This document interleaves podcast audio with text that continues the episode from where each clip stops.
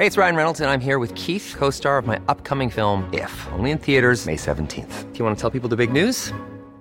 All right, I'll do it. Sign up now and you'll get unlimited for $15 a month in six months of Paramount Plus Essential Plan on us. Mintmobile.com slash switch. Upfront payment of $45 equivalent to $15 per month. Unlimited over 40 gigabytes per month. Face lower speeds. Videos at 480p. Active Mint customers by 531.24 get six months of Paramount Plus Essential Plan. Auto renews after six months. Offer ends May 31st, 2024. Separate Paramount Plus registration required. Terms and conditions apply if rated PG. Hiring for your small business? If you're not looking for professionals on LinkedIn, you're looking in the wrong place. That's like looking for your car keys in a fish tank. LinkedIn helps you hire professionals you can't find anywhere else, even those who aren't actively searching for a new job but might be open to the perfect role. In a given month, over 70% of LinkedIn users don't even visit other leading job sites. So start looking in the right place. With LinkedIn, you can hire professionals like a professional. Post your free job on linkedin.com slash achieve today. Millions of people have lost weight with personalized plans from Noom. Like Evan, who can't stand salads and still lost 50 pounds. Salads generally for most people are the easy button, right? For me, that wasn't an option. I never really was a salad guy. That's just not who I am. But Noom worked for me. Get your personalized plan today at Noom.com. Real Noom user compensated to provide their story. In four weeks, the typical Noom user can expect to lose one to two pounds per week. Individual results may vary.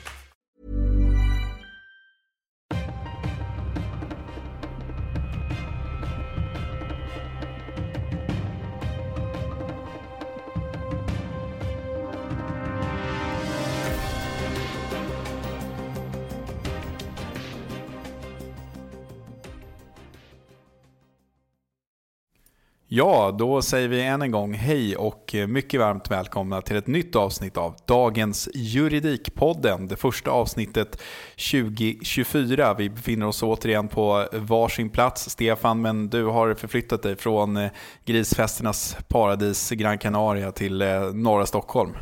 Jag har förflyttat mig till norra Stockholm och, och eh, väl hemkommen i natt i till, från 26 plus till 12 minus tror jag att vi räknade ut att det var. Så ja, jag är hemma. Och då bor du ändå i Stockholm. Tänk om du hade bott i Kvikkjokk och hade kommit hem till eh, 43,5 minusgrader. Jag är oerhört förtjust i just Kvikkjokk. Eh, ligger väldigt fint där i, i Norrbotten och jag är förtjust i Norrbotten överlag och har lite både vänner där uppe men också är med i några Facebookgrupper som tar, tar pulsen på allt från Pajala och Karesuando till just Kvikkjokk och sådär. Och eh, jag ser att det är kallt och de har haft strömavbrott. Jag har goda vänner som bodde i det här området där de tappade strömmen samtidigt som de hade då närmare minus 40 grader så att det var inte roligt. Nej, men eh, de verkar ändå inte ha haft det värst. Eh, e E22 i Skåne natten och eh, till idag och även under hela gårdagen. Vi spelar in det här på torsdagen.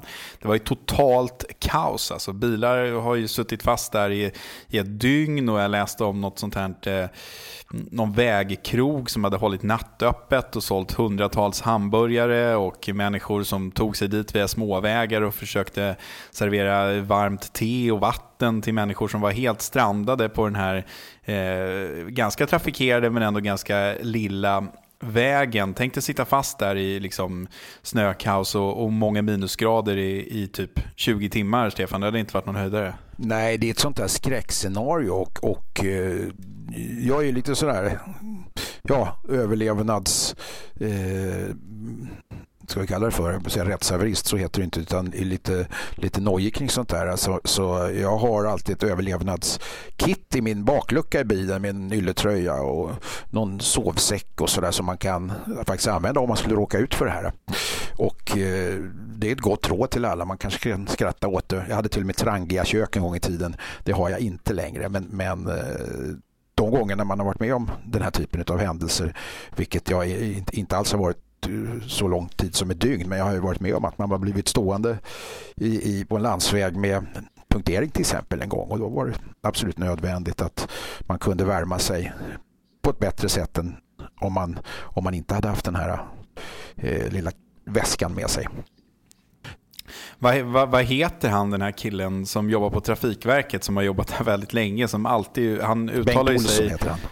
Bengt Olsson heter han. Ja, han har haft svettiga dygn här. Eh, redan innan jul så var det ju snack om, det är alltid det här hur ska man köra försiktigt i mellandagarna och det är jultrafiken hit och dit och, och tågfrågor och, och sådär.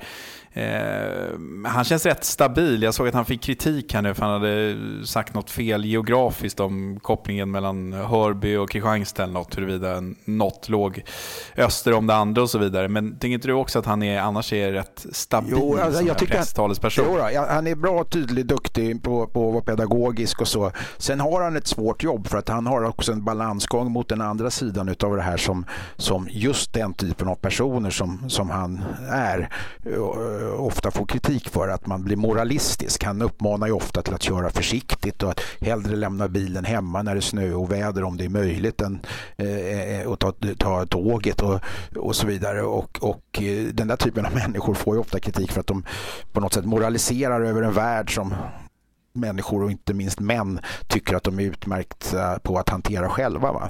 Det fanns en gammal trafikreporter på Sveriges Radio, på den gamla lokalradion, Radio Stockholm en gång i tiden som heter Sven Roland Engström och eh, som inte är med oss längre men, men han var legendarisk eh, för oss som bor i Stockholm på att rapportera kring trafiken och han tog sitt arbete på väldigt stort allvar och, och till slut blev han utsatt då för ganska stark kritik just för att han så att säga, börjar prata trafikregler och, och, och, trafikmoral och trafiketik på ett sätt som kanske inte helt ingick i hans arbete. Va? Eh, och det här är en balansgång som även en sån som Bengt Olsson vid Trafikverket måste, måste, måste tänka på. Jag påstår inte alls att han har gått över några gränser men jag vet och jag har hört också att det ibland är så här, ska han bestämma över hur vi ska fira jul och ta oss till mormor och morfar under julen och sådär. Men, jag... men, men har, vi, har vi inte vant oss lite vid det då efter pandemin? Jag menar, det var ju samma diskussioner som uppstod då när läkare sa, eller läkare eller typ Stefan Löfven och andra sa att nu är det max eh, fyra personer här på varje enskilt eh, julfirande och så vidare. Jag menar, det hade man väl rätt att strunta i om man ville strunta i det. Men, men jag tror ändå att vi har en större acceptans för det idag. Jag tror att det är fler som har möjligheten eh, efter pandemin att kanske ställa bilen hemma och jobba hemifrån om det är lite knivigt väglag och sådär. Så jag, jag kan tänka mig att han får större genomslag för sina eventuellt moralistiska påbud idag än tidigare. Absolut, det kan vara så. Nu var ju pandemin en sån extraordinär situation så att jag tror folk hade en högre tolerans för om vi kallar det för myndighetsbud då. då. Eh, det jag tycker är intressant i andra änden av det här är faktiskt frågan om hur sånt här kan ske. Därför att eh, om man å ena sidan har ett statligt eh, verk som Trafikverket är en stor statlig myndighet som ansvarar för att både uppmana människor att eh, hantera och agera på ett visst sätt eh, i, i, trafiken så får man kanske också då se till att ha en beredskap för att sånt här kan hända och frågan är vilket ansvar Trafikverket har för att människor får sitta i ett dygn eh, i skall i kyla utan att kunna röra sig. Det är ju ändå Trafikverket som ansvarar för sånt här som avdelning utav 2-1 körfält som gör att människor blir väldigt fastlåsta till exempel på en väg om det inträffar en trafikolycka. Sen finns det ju andra som har ansvar. Man kan ju, under dagen har det diskuterats som till exempel polisen gör tillräckligt för att undersöka att långtradarchaufförer och inte minst långtradarchaufförer som kommer utomlands ifrån med, med laster och söderifrån har rätt däck för att köra i det här svenska eh, snövädret och eh, när det får sådana här enorma konsekvenser som det faktiskt har fått i Skåne idag, så, eller det senaste dygnet, så kan man då ifrågasätta det kanske är så att man har gjort för lite sådana kontroller. Det finns en rad myndigheter här som, som har, har lite att tänka på så att det här inte inträffar igen. För sånt här kan faktiskt leda till att människor fryser ihjäl och, och, och utöver det all, allmänt obehagliga. Och ska man bara säga en sista sak där som är lite intressant så har jag för Dagens Juridiks eh, räkning, det kommer publiceras under fredagen sannolikt, eh, sammanställt en, en lista över de bäst betalda myndighetscheferna och en av de som faktiskt har bäst betalt är ju Roberto Majorana som är generaldirektör för Trafikverket. Han tjänar faktiskt 164 600 kronor i månaden. Då kan man ju faktiskt fråga sig varför är det alltid Bengt Olsson som är ute och pratar? Kanske skulle man ändå eh, ibland vara ute i media om man tjänar 164 600 kronor i månaden. Inte minst när sånt inträffar som inträffade igår. Ja, den diskussionen har, ju haft, har vi haft om andra dagens juridik mer närstående myndighetschefer såsom rikspolischefen och liknande som, som också har en av de högsta myndighetschefslöner. Som har den högsta. Ja, det kanske han har. Nu är det så att Trafikverkets eh, generaldirektör har alltid, det är ett stort, eh, stor myndighet. Alltså Lena Eriksson som är pensionerad numera, hon ledde ligan tror jag en gång i tiden som myndighetschef när det gällde löne, lönenivå. Eh, numera är det väl rikspolischefen då. då. Jag vet inte Petra Lund vad hon har landat på men hon var ju gammal riksåklagare. Så att 188 000 i månaden kan jag upplysa dig om. Det är bra att du är påläst Wille. Du är bra. Bara 3 000 kronor mindre än statsministern. Ja, ja, se där. Det är tufft att vara rikspolischef, då ska man ha betalt för också. Och det har ju om inte, minst, om inte annat de senaste decennierna visat att det är ett uppdrag som ställer stora krav. Så vi får hoppas att Petra Lund kommer att klara av att axla det här och leva upp till sin höga lön. Så är det. Några som också har ganska bra betalt men som inte omfattas av den här frikretsen eller vad den kallas, där regeringen sätter lönerna, det är ju riksdagens ombudsmän, JO, som vi pratade om förra veckan med anledning av att eh, ett antal advokater i Göteborg, det så kallade försvararkollegiet, hade JO anmält eh, det faktum att Eh, personer som häktas inte förflyttas till häktet inom skälig tid utan får bli kvar i polisarrester i väntan på lediga platser på häktet. Den här veckan så är det så att Dagens Juridik har kunnat rapportera om en så kallad OPCAT-inspektion, alltså en oanmäld inspektion som görs efter ett speciellt protokoll som JO sköter på då Kronobergshäktet där man har kunnat konstatera att eh, det inte är helt jättekul att sitta häktad på Kronobergs häktet just nu. Den här inspektionen vittnar om att eh, intagna placeras i såna här tulltoaceller. De placeras i andra former av rum och bostadsrum som inte är egentligen avsedda för att tjäna som häktesceller. Det luktar gammal spya i vissa av de här. Det är varmt. De är inte utrustade på det sättet som ett bostadsrum på ett häkte ska vara. Och det finns inte alltid möjlighet till att, eh, så att säga, komma ut och få de här isoleringsbrytande åtgärderna som man har rätt till. Eh, återigen Stefan, eh, tråkiga nyheter när det gäller förhållandena på svenska häkten. Alltså det, så, det här är så bedrövligt va? att, att eh, det borde leda till ramaskriven. Som vi pratade om förra veckan så är det ju som vanligt att svenska folket har en väldigt lång startsträcka innan de blir upprörda och eh, kriminalvårdens intagna och häktade vägnar. Men jag tror ju alltså att både med bakgrund av vad vi pratade om förra veckan eh, och utifrån det här eh, protokollet då som, som alltså det, är, det är FNs eh, det är ett krav från FN alltså att man ska ha den här eh, inspektionsverksamheten då som OPCAT utgör med, med, mot tortyr och annan omänsklig behandling. Och eh, det här då är ett internt nationellt system som Sverige för att leva upp till det här kravet eh, har inrättat där eh, JO utövar den här inspektionstillsynen ska vi väl kalla det för snarare än makten. Då. Och jag tror ju att det som man kommer fram till i de här sammanhangen börjar bli så likt den typen av länder som vi inte vill eh, förknippas med, inte, inte ens i kriminalvårdssammanhang, att det här på ett eller annat sätt kommer ta en ände med förskräckelse. Eh, det vill säga Sverige kommer på något sätt fällas, inte bara i, i, i den här typen utav, utav eh, så säga, nationella inspektionsrapporter där det då riktas skarp kritik mot, mot eh, kriminalvården för den här hanteringen utan till syvende och sist så kan vi fällas både i de de eh, organ som FN har till sitt förfogande för sånt här. Europarådet har till sitt förfogande och sist men inte minst i Europadomstolen för mänskliga rättigheter. För att alltså ha den här typen av häkten där människor sitter och förvaras på eh, små lokaler som inte är avsedda för ändamålet där det, där det luktar eh, spyor som JO konstaterar eh, och där man inte ens har möjlighet att gå på toaletten utan får göra kissa och bajsa i, i papperskorgar eller eh, kaffemuggar och allt vad det är som, som har kommit fram i de här sammanhangen det är omänskligt.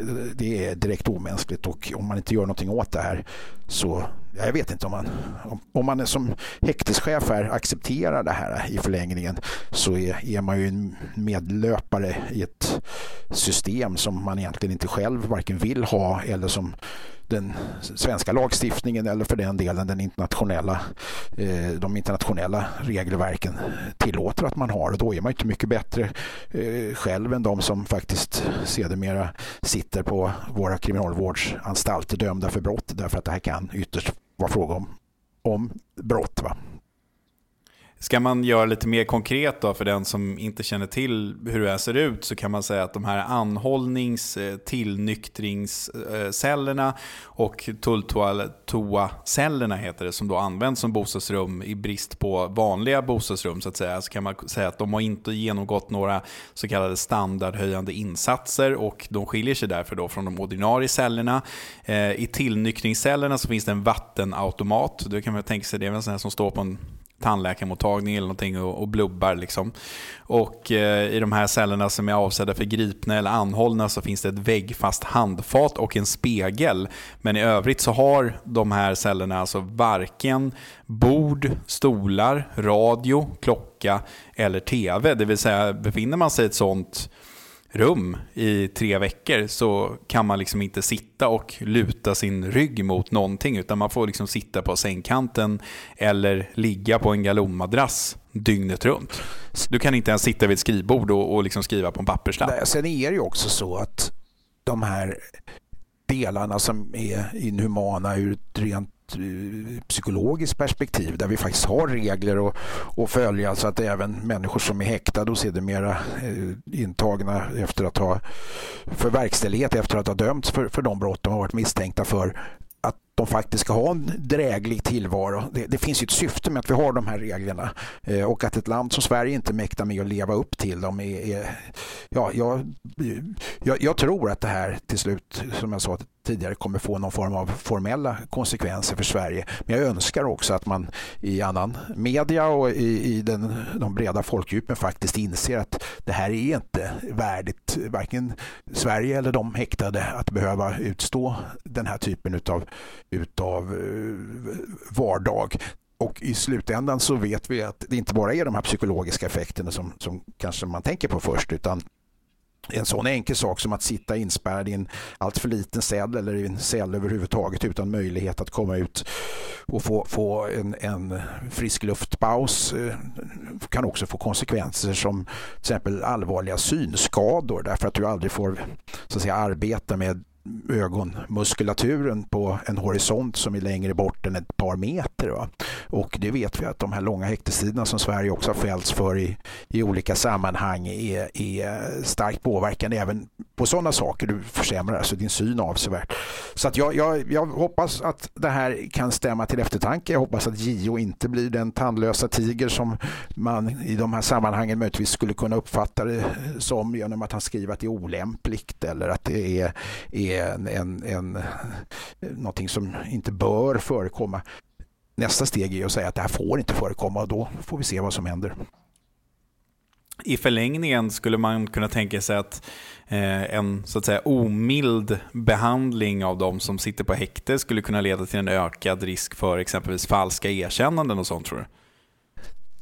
Det du säger har ju det har ju advokater, brottmålsadvokater varnat för länge. Att det till och med förekommer att människor vill så att säga, komma vidare ut i verkställighet därför att det är helt andra förutsättningar att verkställa ett, eh, ett straff eh, som dömd på en, en, en eh, kriminalvårdsanstalt än att sitta häktad. Och med det här så blir ju den risken naturligtvis ännu, ännu högre. Finns det då någon, något så försvarstal för detta?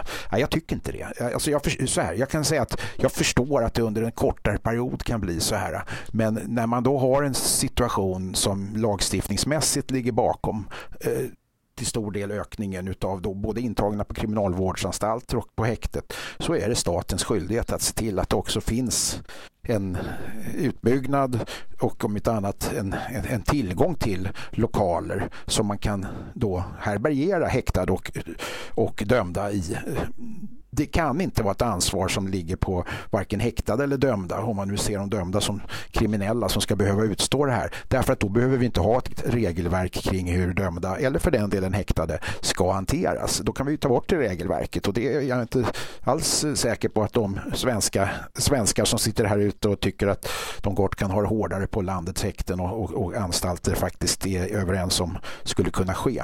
Och om man tycker så bör man nog överväga att, att sätta sig in bättre i frågan. För har man inte sett kriminalvården eh, och det, det system som det så att säga, befinner sig i så, så, måste man ändå ha respekt för att vi kan inte ha en omänsklig behandling där inne. Så att, ja, det kan finnas förklaringar till det här men det finns inga ursäkter.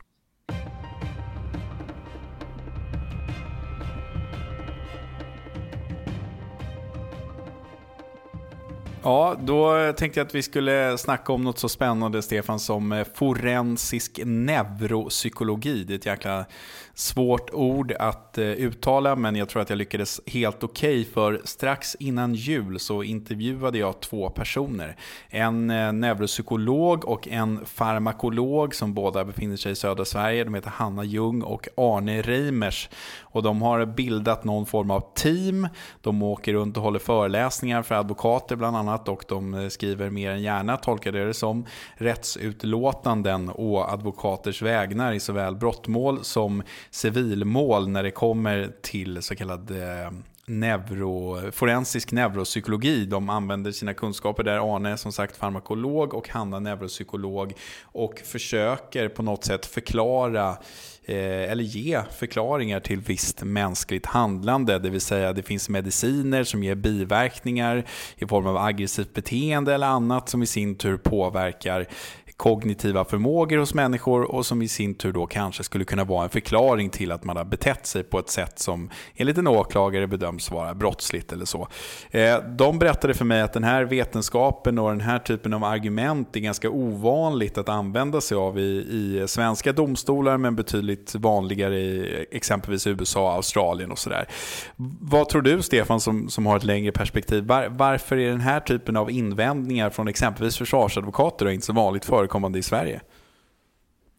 Jag tror att vi, alltså vi har ju haft den här diskussionen och den, den finns ju med i vår lagstiftning ytterst när det gäller till exempel lagen om, om, om rättspsykiatrisk vård och det så kallade fängelseförbudet med människor som är allvar, för människor som är allvarligt psykiskt störda. Men det här ligger ju liksom under den nivån på ett annat sätt. Det har inte bäring som jag förstår direkt på psykiatri utan snarare på sånt som påverkar ens, precis som du sa, kognitiva eh, förmågor. Eh, det vill säga hur man psykologiskt Eh, är funtad för att i praktisk mening fungera eller inte fungera i, i vårt samhälle. Och eh, vart, vart, kan man då komma genom att diskutera det här? Jo, ytterst så handlar det om att fråga sig vilket ansvar framförallt då vuxna människor har för sina gärningar trots att det finns då till exempel en brist på impulskontroll eller annat sånt där då kognitivt som klassiskt sett har, har, har eh, funnits med i bedömningar och så när man tittar på, på eh, mänskligt ansvar både juridiskt och moraliskt i, i, i samhället. Va? Och än en gång, ytterst så har vi den där formen av eh, allvarlig psykisk störning som leder till att en människa inte inte anses vara ansvarig för sina gärningar och därför inte kan dömas till, till eh, fängelse. Eh, och sen är skalan glidande nedåt och jag är inte säker på att varken domstolar, åklagare eller för den delen advokater känner sig särskilt bekväma i den glidande skalan. Och jag är inte heller säker på att lagstiftaren känner sig så pass bekväm att man kan så att säga, gradera den till att, att få fram en, en, en fungerande mätbarhet i det och säga att ja, men den här människan kanske ska hållas hälften ansvarig därför att han i och för sig inte inte når upp till lagens krav när det gäller allvarlig psykisk störning men däremot kommer han si och så långt och så vidare. Och vad gör vi med en fjärdedel och en tredjedel och 5 procent och 12,5 procent och så vidare. Det blir, det blir otroligt svåra bedömningar. Men ytterst så har du då den här som jag återkommer till nästintill existentiella frågan. Är en vuxen människa inte ansvarig för sina gärningar om eh, han eller hon har nedsatt impulskontroll till exempel? Även om du kan sätta ett ord på orsaken till den nedsatta impulskontrollen då, till exempel en, en diagnos av, av neuropsykiatrisk art som det har diskuterats mycket när det gäller till exempel ADHD och så vidare. Ska det innebära att man inte är ansvarig för det våld man utövar eh, om, man, om man då har en nedsatt impulskontroll? Frågan är ju jätteintressant givetvis. Men, men en sak som jag tänker på är ju här att eh, Hanna Ljung då som är neuropsykiatriker eh, eller neuropsykolog, hon säger att hon kan uttala sig om personens mentala ålder, alltså på vilken nivå som en person fungerar intellektuellt, emotionellt och socialt. Eh, vi har ju en del så att säga, rätt viktiga åldersgränser, även om de håller på att suddas ut nu eh, när det gäller straffrabatter och liknande. Skulle man inte kunna tänka sig en situation där man befinner sig precis på gränsen mellan exempelvis 19 och 20 eller 16 och 17 eller 15 och 16 där, där man säger att jo men åldersmässigt har William nått upp till den här nivån men hans eh, liksom, mentala ålder är kanske 12 år. Ska jag verkligen kunna straffas som en fullvuxen person då? Ja, alltså det, det, än en gång, det är ju jätteintressant och man hamnar lite grann på pottkanten när man pratar om det här för man får tänka till eller i varje fall försöka tänka till. Och det är klart det finns idag. Eh, det finns ett antal domar om man tänker tillbaka där man har tagit sådana hänsyn till exempel till en bristande impulskontroll. Det har vi skrivit om i dagens juridik och frågan är om den praxis som finns inte är, är lite väl spretig eller rättare sagt den praxis som finns är, är, är, ja, det är olika från fall till fall. Eh, jag vet inte om Högsta domstolen har prövat särskilt många sådana här fall men om man då tittar på det hon säger så är det naturligtvis så att en människa som har en, en, en allvarligare utvecklingsstörning så att man till exempel utifrån de nu icke längre gällande reglerna men tidigare gällande reglerna när man blev så kallat omyndigförklarad. Idag har vi ju att du satt under förmyndare enligt, enligt eh, då, de bestämmelser som gäller idag att därför att du inte kan sköta till exempel din egen livsföring eller, eller dina egna affärer eller du har inte full rättskapacitet i, i, i den meningen. Och det är klart att även det kan ju vägas in vid en straffrättslig bedömning redan idag och man sätter ju inte då det som man i varje fall förr i tiden kallade utvecklingsstörda. Jag tror att det finns ett nytt finare ord för det, men, och jag ber om ursäkt om jag inte kan det. Men, men det Funktionsnedsatt? Ja, det kanske heter så. Jag, men, men, alla förstår ju vad jag menar när jag säger ordet utvecklingsstörd. Eller funktionsvarierad till och med, förlåt. Ja. Nu sa till och med jag fel. Ja, ja, Du ser, du som är ung och ska kunna de här nya begreppen. Men jag, jag, jag, de, man sätter inte sådana människor i fängelse, va? Utan, utan man löser det på annat sätt. Men det jag förstår att hon är ute, ute efter här, den här eh, neuropsykologen då, då Hanna, hon, hon är väl ute efter att, så att säga, i en mer systematisk mening kunna, kunna göra den här typen utav, utav värderingar. Och då kommer vi till slut till en fråga som rör själva graderingens, så att säga, stegen mellan graderingen för att säga att det finns olika till exempel utvecklingsnivåer hos en 15-åring det är ju helt okontroversiellt. Eh, det är till och med okontroversiellt att säga att det är skilda utvecklingsnivåer mellan tjejer och killar i den åldern. Det vill säga tjejerna är ofta tidigare utvecklade, det vet vi och det tror jag ingen säger emot. Och då är frågan, ska vi höja straffbarhetsåldern för killar då som har en, har en egentligen senare utveckling generellt sett och kanske sänka den för tjejer som har en tidigare utveckling. Jag, jag, säger inte att vi ska göra det, jag bara tycker att det är en intressant fråga. Och om man går ner på individnivå då, och inte bara gruppnivå så kan man ju, precis som du sa, säga att en viss person har kanske varken kommit in i puberteten eller fått den mentala eller sociala utveckling som den genomsnittliga i samma ålder har som då titta på till exempel 15-årsåldern, ska han eller hon inte kunna fälla sig ansvar för brott trots att han eller hon är 16 eller 17 år men ändå har en nivå som en 13-14-åring. Och då är frågan, kommer alla experter komma till samma slutsats? Kommer det vara en ostridig eh, uppgift att framföra i domstol eller kommer det att spreta? Och jag tror att det i slutändan blir väldigt svårt att få en samstämmighet kring eh, den typen av diskussioner om steg stegen är så pass att säga, små att vi, att vi pratar om att en 16-17-åring kanske befinner sig på en 13-årings nivå.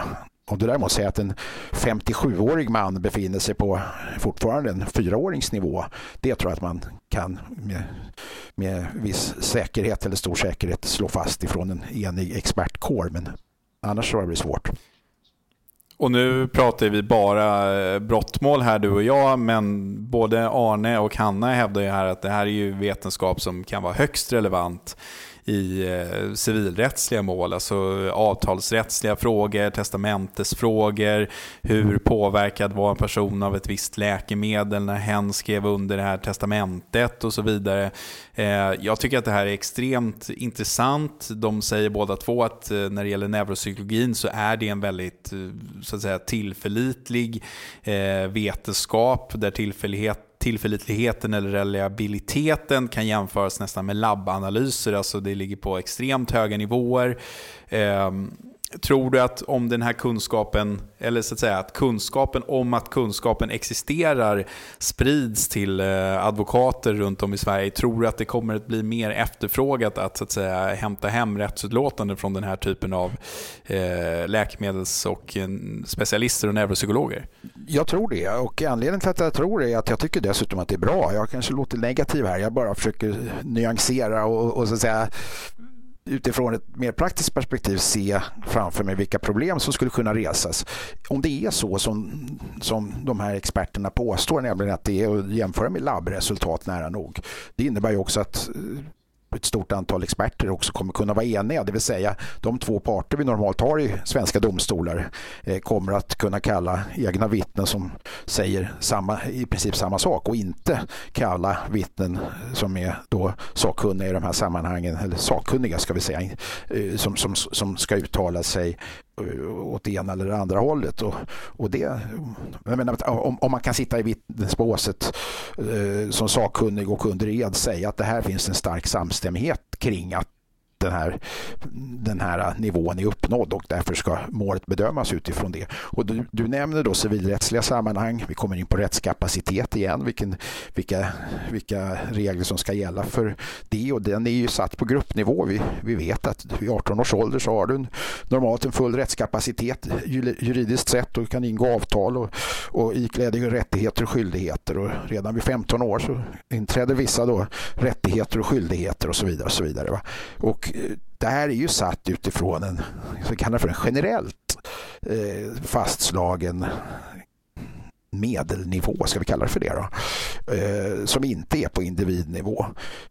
Men kan man komma så här nära så jag tror att det är, det är bra därför att många gånger, det har säkert alla som har jobbat med de här frågorna, inte minst sådana som du och jag som har läst tusentals domar genom jobbet många gånger tyckt att den här människan verkar inte riktigt klar över vad han eller hon har gjort eller befann sig då i en situation som han eller hon inte kunde överblicka eller i varje fall inte konsekvenserna av sitt handlande. Och det här har ju diskuterats i många situationer. Är det här ett nödvärn och tillbaka på straffrätten? Är det en nödvärnssituation eller är det så att personen helt enkelt inte kunde överhuvudtaget förstå eh, konsekvenserna av sitt handlande och därmed så fanns det inte ens ett likgiltig likgiltighetsuppsåt. Rödebyfallet var väl ett sånt om jag inte minns fel ärende som började med, med åtal för, var det inte mord va?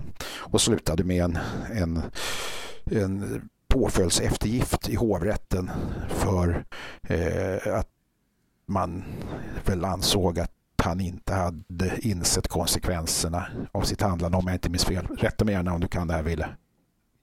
Kan inte i huvudet, men jag vet att han fick påföljdseftergift i alla fall. Medan tingsrätten gjorde en annan bedömning va? Och, och eh, ansåg väl att det var nödvändigt. Men som sagt, jag kan inte komma ihåg detaljerna i fallet, men det är ett ärende där de här frågorna diskuteras i varje fall.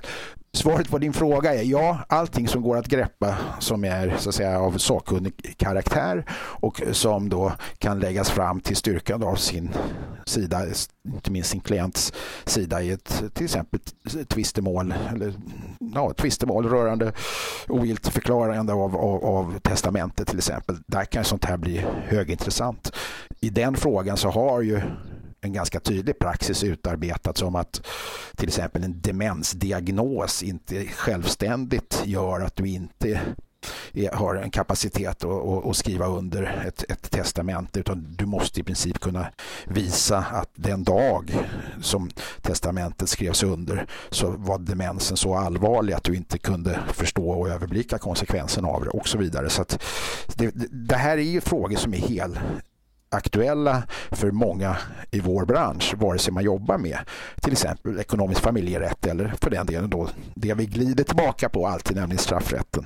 Och kan man då kvantifiera, mäta, lägga fram väl underbyggda, inte bara teser utan också, utan också eh, resultat till styrkan av ett påstående. Så man, man når upp till det beviskrav som finns i de respektive fallen. Om det ska vara styrkt eller visat eller vad det nu må vara. Så för all del, jag tror att det de håller på med är jätteintressant.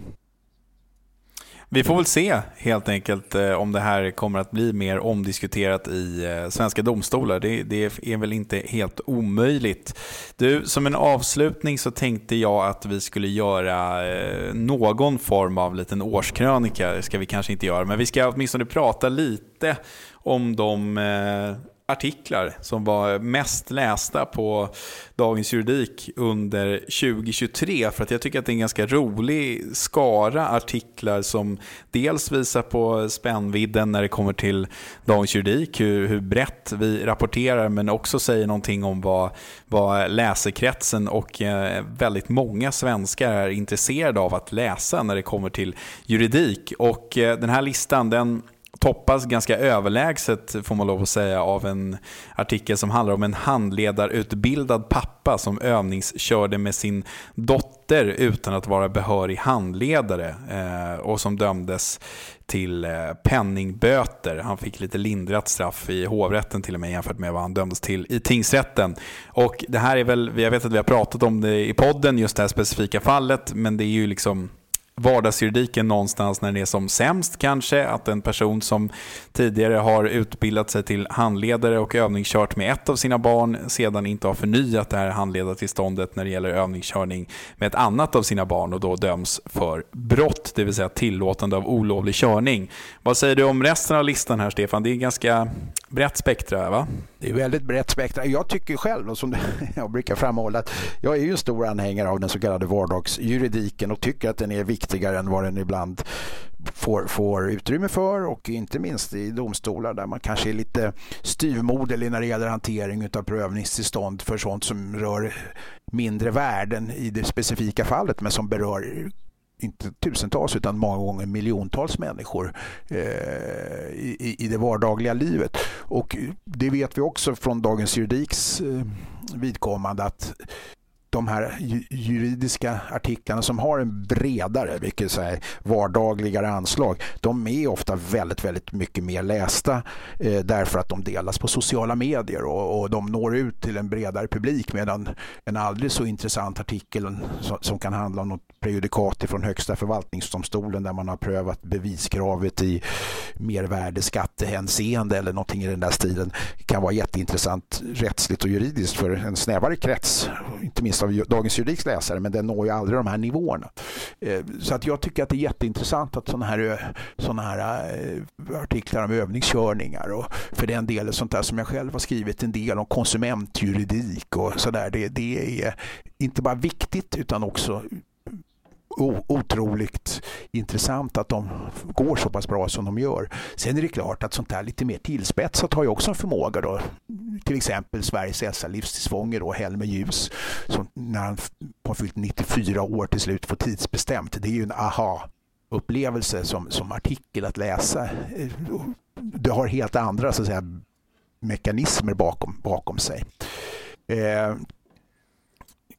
det finns ju en del åt bredare, så att säga, sånt här mer samhällsmateriellt, samhällsintressant material, så ska jag säga hur stor del av landets fångar som är utländska medborgare och, och jag menar bara, det var väl du som skrev den standardartikeln vi har haft i alla år om lagarna som eh, träder i kraft vid halvårsskiftet och helårsskiftet. En, en sån artikel finns ju med här också. Den, den handlar väl mer om, om eh, vardagsjuridik egentligen. Ja, men det, det, det tycker jag nästan var mest glädjande. Att en, en sån eh, artikel det visar ju någonstans på, på det stora intresset som finns eh, bland många svenskar att veta vad är det som gäller, vad är, vad är det för förändringar som sker nu. Det var ju några eh, lagändringar som trädde i kraft i somras, bland annat det här avskaffat krav på danstillstånd och, och sådär som var väldigt uppmärksammat. Men läser man den artikeln så är det egentligen inga jätte stora förändringar som trädde i kraft och ändå så var det så stort eh, läsarintresse för en sån artikel. Det tycker jag är väldigt kul och det säger väl också någonting om att Dagens Juridik eh, verkligen behövs i den här floran av väldigt många andra tidningar och magasin och vad det nu var. Ja, ja framförallt att, att Dagens Juridik, som jag menar även på den tiden jag själv var chefredaktör, la kraft på att förklara och skriva även sånt som ligger utanför. Ja, men det här, mycket av det här är självklarheter för, för kärngruppen i, i, i läs, eller bland läsarna i dagens juridik. Och de, de kanske hellre vill ha kluriga rättsfrågor som avgörs i högre instanser och, och, och lagrådets kritik på detaljnivå och så vidare. Och det skriver vi också om i dagens juridik. Och, och även om du och jag är nördar något att både följa det och läsa utslag ifrån eh, Säkerhets- och integritetsskyddsnämnden och allt vad det nu må vara och rapportera kring det så är det likförbaskat så att överger man, man det här då, då, då skapar man en situation, alltså överger man vardagsjuridiken eller det som berör många, då skapar man en situation där juridiken blir som Gud förbjude en stat i staten och det är inte juridiken. Juridik är ett system som är beroende av mänskliga beteenden. Man kan faktiskt göra en liknelse med till exempel matematiken. Att om inte matematiken hade haft de, de naturvetenskapliga disciplinerna som fysik, biologi och kemi till exempel så hade den varit fullständigt inte bara verkningslös utan meningslös. Du kan, inte, du kan sitta och räkna ekvationer och derivera hur länge som helst men, men har du ingenting som du kan nå fram till med detta resultat som visar någon statistik som har bäring på mänskligt beteende eller klimatförändringar eller vad det nu må vara så är det ett system som är ovidkommande och det gäller även juridiken. Den behöver alltså appliceras på mänskligt beteende. Psykologi och sociologi och statsvetenskap för att, så att säga, hamna i sitt rätta forum. Och, och där, där gläder det mig då när sånt här som berör människor som känner att men det här påverkar mig danstillståndet som du skrev om där i den här halvårslagstiftningsartikeln till exempel. Det är typiskt sådana saker som människor har, om inte varit upprörda över så har de i alla fall reagerat på att statsmakterna så att säga har tagit sig rätten att styra en sån sak eh, enligt då demokratisk mening numera allt för långtgående därför att man har avskaffat det här i, i, i, den här lagen genom ny lagstiftning och så vidare. Men även då som jag säger konsumenträtt och frågor som rör det vi pratade om alldeles nyss. Det, det är bra. Det här är bra. Det är, alltså, juridik får inte bli en stat i staten. Mer juridik till folket helt enkelt. Stefan, det där var eh, första poddavsnittet för 2024. Nästa vecka hoppas jag att vi ses rent fysiskt och eh, kan kasta bort de här eh, portabla mikrofonerna och istället bänka oss framför våra mycket proffsiga studiomikrofoner i centrala Stockholm. De håller alltså inte på att bygga om mikrofonerna ska vi säga, utan studion håller de på att bygga om. Så det finns inte en möjlighet till fysiskt tillträde ens där dit och där, därav denna något då, ska vi kalla det för distansinspelning som, som, som vi ägnar oss åt. Så är det. Hörni, vi tackar som vanligt så jättemycket för att ni har orkat lyssna på oss i hela 40 minuter och hoppas att ni vill göra det även nästa vecka. Till dess så önskar vi er alla en härlig och eh, svinkall helg i det vintriga Sverige så hörs vi nästa fredag igen.